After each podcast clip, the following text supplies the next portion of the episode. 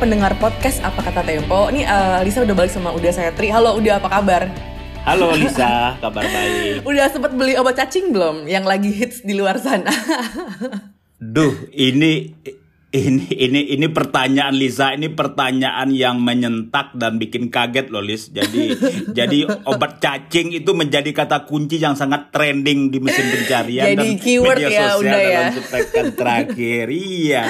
Jadi keyword. Dan sekaligus membuat gelisah Lisa karena barang sudah langka dan harganya gila-gilaan. Hmm, jadi Gitu, eh, jadi- kalau kita buka marketplace, salah satu marketplace aja gitu ya, cari ivermectin di situ, eh, itu udah banyak banget harganya macam-macam dan itu sudah ber- berkali-kali lipat ya daripada harga biasanya. Betul.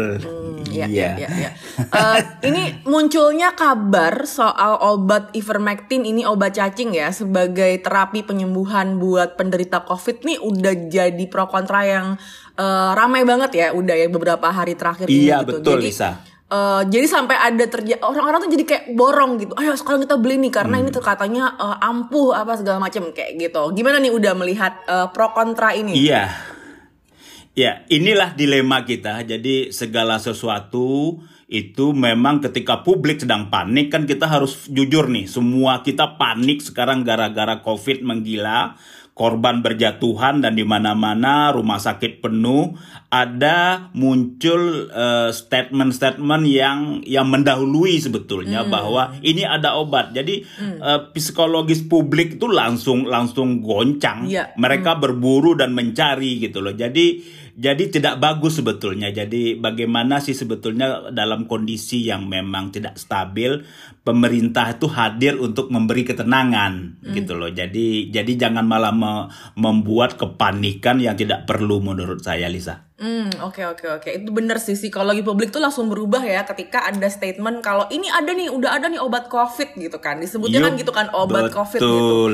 Padahal di seluruh dunia juga nggak ada gitu kan. Semuanya lagi coba-coba gitu kan. Iya. Nah, ini eh, kita tahu eh, beberapa hari terakhir ini eh, kita pecah rekor terus soal angka terba- angka kasus baru COVID-19 gitu ya. Rumah sakit penuh tuh media kalau buka media sosial ah, banyak banget orang nyari-nyari ruangan gitu Betul, ya Lisa. karena penuh sampai bahkan ada beberapa rumah sakit dan fasilitas kesehatan gitu ya sampai dirawat di eh, di hall atau di parkiran kayak gitu-gitu jadi bener-bener udah ny- udah keluar dari eh, ruangan-ruangan yang ada di eh, fasilitas kesehatan gitu Iya. kan. nah jadi Ah-ah. nah kita sekarang mau membahas soal editorial majalah Tempo sebutan apa judulnya megap-megap melawan COVID-19 gitu tapi eh, udah sebelum kita bahas editorial eh, aku mau nanya dulu sih sebenarnya apakah Tempo menduga bahwa bener nih temuannya em, a- angka yang tiba-tiba melonjak ini karena setelah libur lebaran gitu ya dan juga karena munculnya eh, varian delta ini jadi penyebab penyebab eh, Iya. penyebab makin parah gitu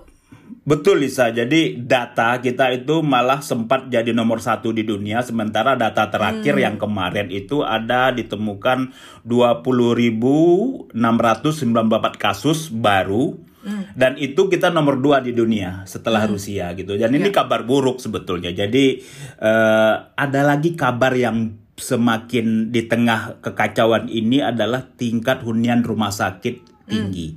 Ya. Jadi yang seperti Lisa bilang tadi, ICU, IGD dan ruang perawatan full semua dan dan seperti eh, ketika ada orang dan eh, mencari informasi itu seperti menunggu godot, Lis. Jadi jadi semua tidak kepas tidak pasti. Ya. Makanya ada up- ada upaya-upaya pemerintah misalnya membangun tenda untuk penampungan rumah sakit. Juga areal pemakaman loh. Jadi jangan kita Iya. nggak boleh lupa areal pemakaman yang memang disediakan khusus untuk COVID itu itu sudah semakin menyempit.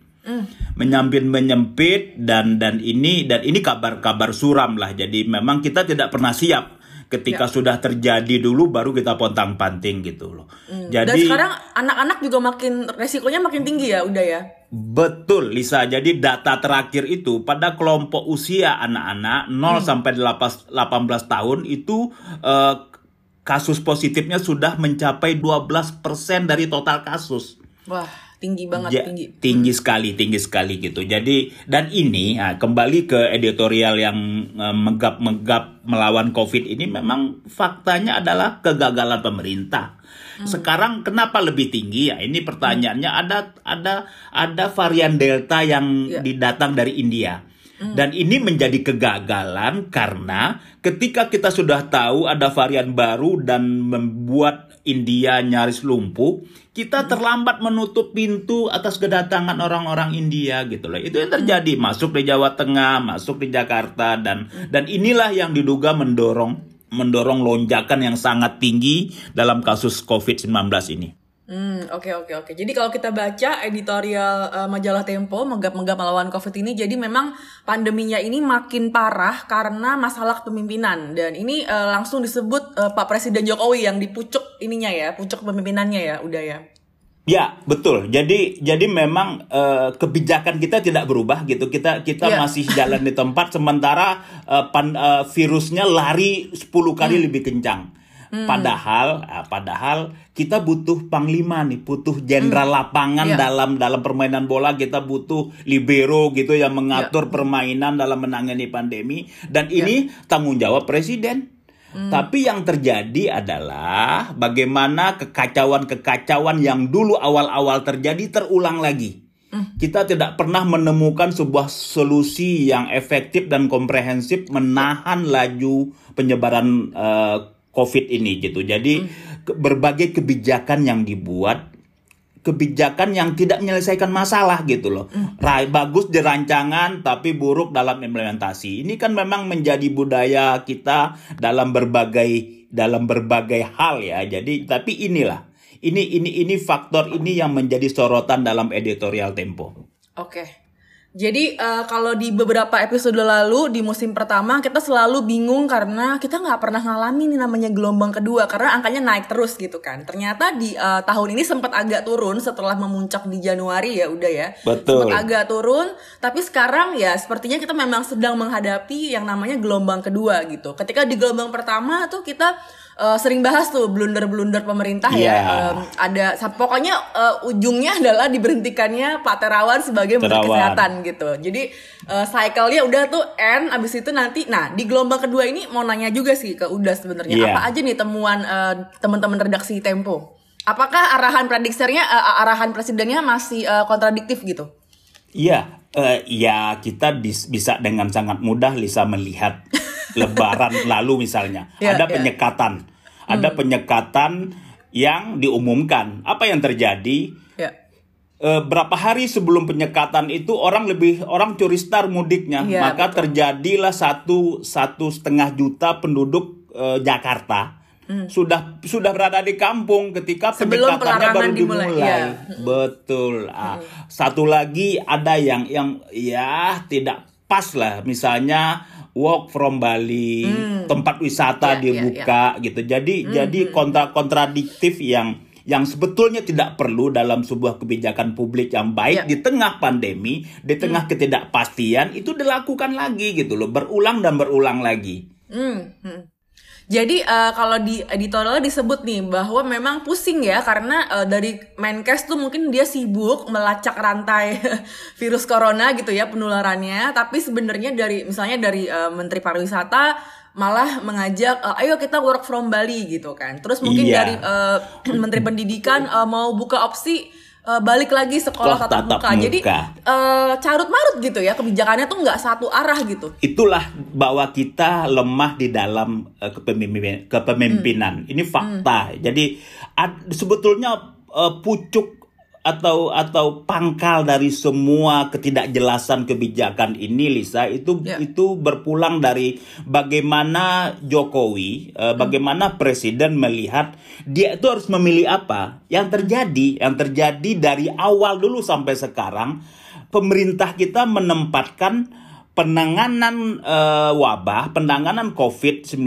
itu simultan atau berbarengan dengan pemulihan ekonomi. Ini adalah langkah yang terbukti sudah terbukti keliru lah. Kita bisa kita contoh di negara lain bagaimana orang negara-negara yang sudah memilih langkah lockdown misalnya karantina wilayah secara total itu mereka bisa meminimalisir penyebaran COVID dan ekonominya tumbuh. Sementara hmm. kita ekonomi tidak tumbuh, COVID-nya makin menggila gitu. Jadi jadi ini harus dipilih. Ya. Bahwa hubungan antara penanganan pandemi dengan pemulihan ekonomi itu hubungannya kausalitas. Jadi hmm. tidak mungkin bisa sekaligus. Jadi pemerintah harus tangani dulu kesehatannya, baru hmm. ekonominya tumbuh gitu loh. kira ya. Kira-kira logikanya ekonomi akan tumbuh nggak kalau orangnya pada sakit semua? Hmm, nah, nah itu ini benar. dilema, hmm. dilema yang masih ada dalam dalam berbagai kebijakan yang dilahirkan oleh pemerintah dalam penanganan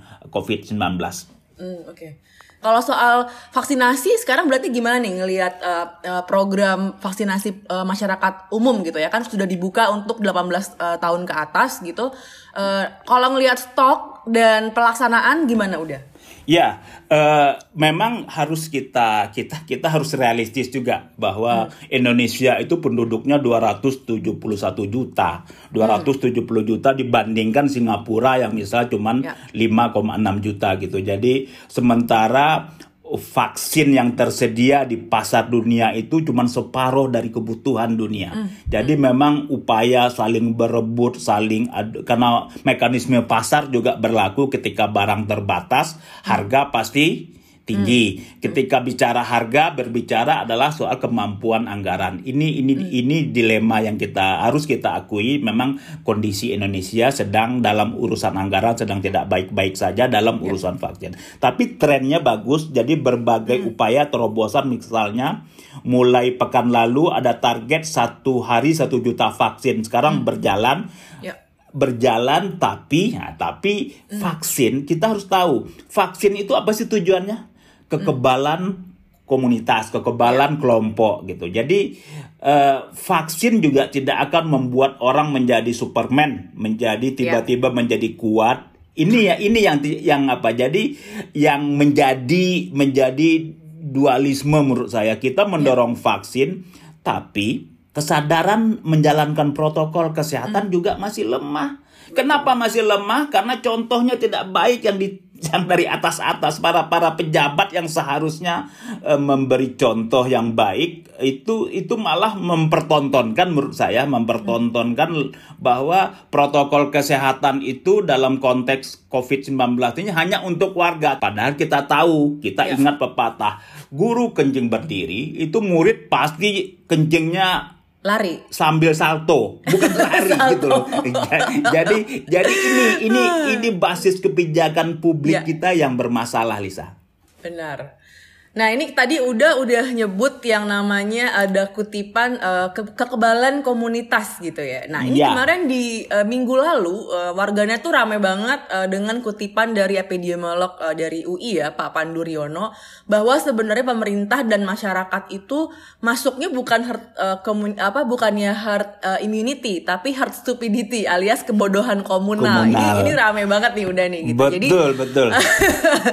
jadi memang ini uh, dan itu uh, sampai uh, berhari-hari ya orang ngomongin hard stupid itu jadi ada iya. meme di mana-mana gitu kan. Nah, iya. ini tuh uh, kayaknya memang uh, kita tuh sanksi yang uh, tegas itu ya teg uh, jadi pejabat tuh seolah-olah aman ya udah ya jadi kayak, kayak sanksi itu ada tapi buat warga pelanggar tapi kalau misalnya pejabat tuh kayak uh, malah kayak lancar-lancar aja gitu. Jadi Presiden Jokowi pernah uh, juga dia memicu kerumunan gitu kan. Terus iya. misalnya ada wali kota Blitar, Blitar. yang bagi-bagi duit tanpa protokol. Uh, Bupati Bekasi pun sama kayak gitu. Terus yang terbaru nih yang wakil Bupati Lampung joget-joget di hajatan, hajatan, terus ujungnya minta maaf gitu kan. Nah, jadi uh, padahal kalau di luar negeri kalau kita tahu ya, misalnya kayak Menteri Kesehatan gitu di Inggris, dia tuh sampai mundur karena iya. uh, terbukti tidak mematuhi protokol kesehatan protokol gitu. Kesehatan. Nah, gimana nih udah ngeliat ini? Betul. Jadi Lisa, jadi memang yang menjadi tren juga adalah kebiasaan pemerintah hanya menja menyalahkan masyarakat gitu loh. Mm. Waduh, ya. masyarakat kenapa meningkat karena kepatuhan ya. rendah padahal ya. contoh dari mereka mereka seharus melihat diri sendiri dulu dong. Mm. Logikanya di tengah berbagai kelas golongan masyarakat kita ketika sudah diberi contoh yang baik kemudian dihimbau saja mungkin masih ada kendala apalagi contohnya tidak baik tapi disalahkan terus gitu loh. Jadi hmm. jadi bisa bayangkan bagaimana kompleksnya persoalan ya. dan wajarlah bahwa harapan pemerintah dengan vaksin kita akan bisa um, capai mendapat herd immunity yang terjadi malah betul herd stupidity hmm. gitu. Jadi yeah. kita bodoh sama-sama semua dan hmm. pemerintah tetap ini masyarakat yang salah. Ini kalian tidak patuh. Tidak uh, padahal kebijakan-kebijakan yang yang lahir misalnya menurut saya itu itu seharusnya yang pas lah lihat hmm. apa beri contoh yang baik itulah kita kita paham yeah. bahwa contoh yang baik itu baru eh, perintah baru akan efektif kalau yang memberi perintah itu memberi contoh yang baik. Mm. Ya, ya. Oke, oke, oke. Uh, udah kita kalau uh, minggir sedikit ke negara tetangga ya di Singapura. Yeah. Uh, jadi beberapa hari lalu itu perdana menteri Singapura uh, Lee Hsien Long itu uh, dia bikin pernyataan kalau Singapura akan hidup bersama COVID. Jadi mereka itu sudah menganggap kalau COVID itu penyakit endemik kayak misalnya flu, demam berdarah yes. kayak gitu. Dan ini uh, buat mereka bukan lagi pandemi gitu. Nah, aku mau nanya sih, apakah Indonesia harusnya ngambil sikap yang sama gitu ya dengan dengan dengan Singapura gitu ya? Um, atau gimana nih soal soal yeah. penanganan COVID? Ini ini memang uh, apa? Uh, kenapa sih? Kenapa uh, perdana menteri Singapura menyatakan itu? Memang hmm. faktanya sampai hari ini belum ditemukan obat untuk yeah. Ya. uh, menanggulangi COVID gitu. Jadi uh, kita akan hidup bersama hmm. dengan COVID-19. Tapi ada basisnya yang kita tidak boleh lupakan bahwa Singapura itu per hari ini Lisa sudah ya. hampir separuh dari penduduknya telah menerima vaksin, telah hmm. mendapat vaksin. Hmm. Dan awal uh, Juli nanti 2 per 3 dari total populasi Singapura yang memang sedikit 5,7 juta akan dapat vaksin gitu. Hmm. Jadi jadi herd immunity-nya sudah terbentuk. Jadi wajar mereka menya, uh, pemimpin mereka menyatakan itu. Hmm, Akan menjadi kacau balau kalau kita meniru juga. Oke, okay, okay, kita anggap okay. saja sudah beda akan, ya udah ya kondisinya beda, ya. betul. hmm, Oke. Okay. ada karena ada datanya Lisa, penduduk yeah. kita tuh 271 juta. Yeah. Yang baru dapat vaksin 13 juta. Hmm. Jadi Cuma kayak seujung RT gitu ya perbandingan. Betul. bayangkan kalau pemerintah mengumumkan ayo kita hidup bersama, tumbang kita. Ya. Jadi jadi sangat kontraproduktif dan ini harus hati-hati maksudnya. Okay. Jadi kita pun di media harus hati-hati memberitakan soal pernyataan perdana menteri Singapura karena ada basis basis uh, parameter yang berbeda gitu. Jadi hmm. jangan sampai menjadi nanti narasinya kontraproduktif terhadap program ya. pemerintah.